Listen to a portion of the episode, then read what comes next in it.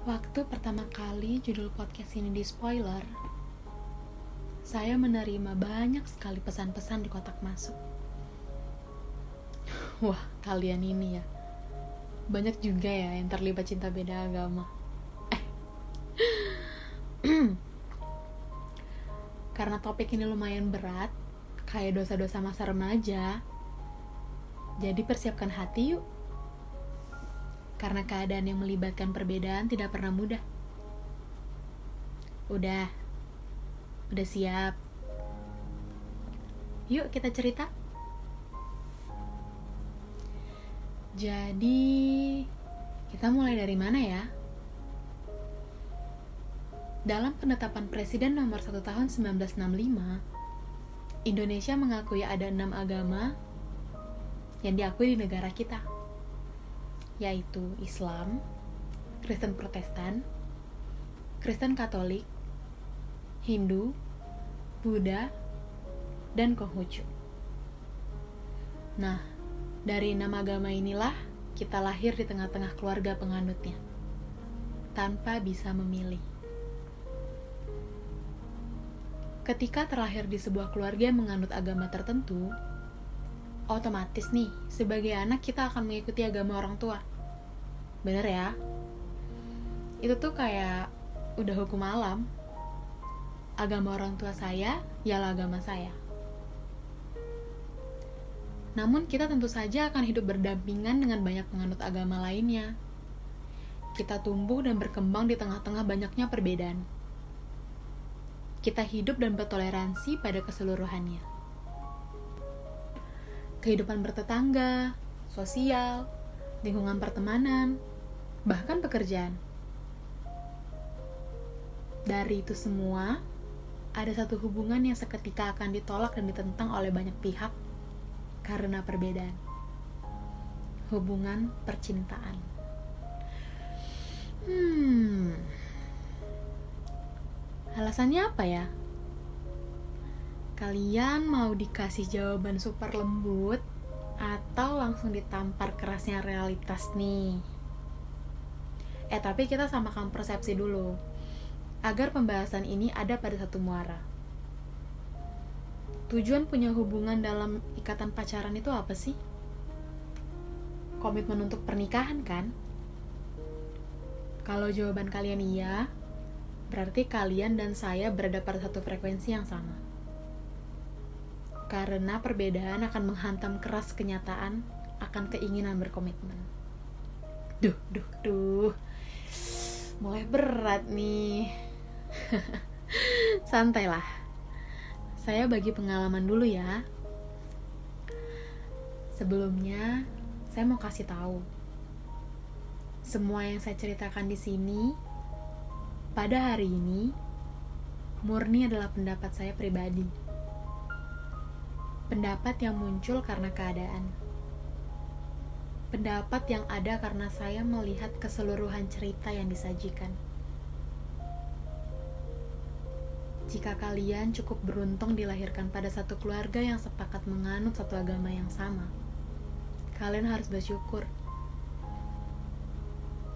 Saya dilahirkan dalam sebuah keluarga yang menganut dua kepercayaan, dua agama, sebuah rumah dengan perbedaan di dalamnya fokusnya nggak usah pada agama apa yang saya ikuti ya. Cerita ini tentang segala isi rumahnya. Hmm, dari kecil yang saya tahu, Mama tidak pernah bersama-sama dengan kami saat melakukan ritual keagamaan. Perbedaan itu sudah dibenamkan dalam-dalam di isi kepala dan hati saya. Lama-kelamaan, itu tidak lagi menjadi sebuah keanehan. Rasa iri hati pertama saya muncul ketika melihat satu keluarga yang pergi beribadah bersama.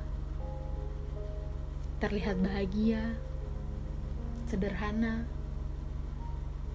namun saling ada satu dengan yang lainnya. Bertemu pencipta lewat doa bersama seluruh anggota keluarga adalah iri hati pertama yang muncul dalam hati saya dalam diri saya yang berusia 14 tahun kala itu. Beranjak dewasa, setiap kali orang lain mendengar saya berasal dari keluarga dengan dua agama yang berbeda, mereka selalu tertarik dengan ceritanya. Selalu kagum akan keadaan yang hingga detik ini membuat kami saling bertahan. Saling mendukung dengan toleransi yang dewasa ini bahkan sangat amat sulit ditemui. Enak dong ya, lebarannya dua kali. Wah, dua kali dong dapat THR-nya akur banget ya walau beda gitu. Kata-kata yang tidak pernah absen saya dengarkan. Tapi percayalah perbedaan dalam satu rumah adalah ketidakmungkinan yang dipaksakan. Memiliki dua nahkoda dalam satu kapal adalah pelan-pelan menuju kehancuran tidak terhitung betapa kata pisah dan isu perbedaan selalu menjadi topik yang paling sering diributkan. Tidak bisa saya ingat entah berapa kali penyesalan dilontarkan. Kedamaian itu hanya angan-angan. Walaupun pada akhirnya keadaan membaik, tetapi sudah ada yang retak di dalamnya. Karena perbedaan. Melihat itu semua seumur hidup saya, membuat saya menanamkan matang-matang ke dalam batin saya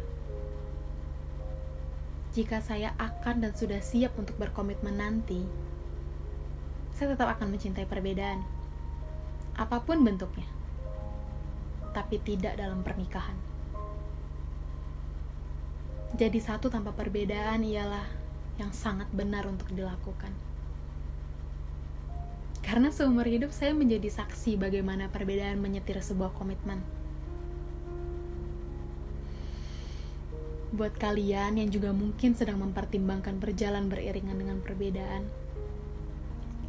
saya kayaknya nggak pantas ya kasih nasihat. Yang bisa saya bagikan cuma pengalaman.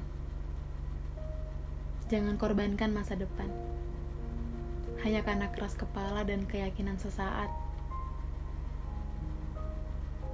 Pun jika hati dan pikiran sudah mantap untuk menyeberang, lakukanlah itu untuk diri sendiri. Bukan karena pasangan, agar tidak ada penyesalan di depan sana.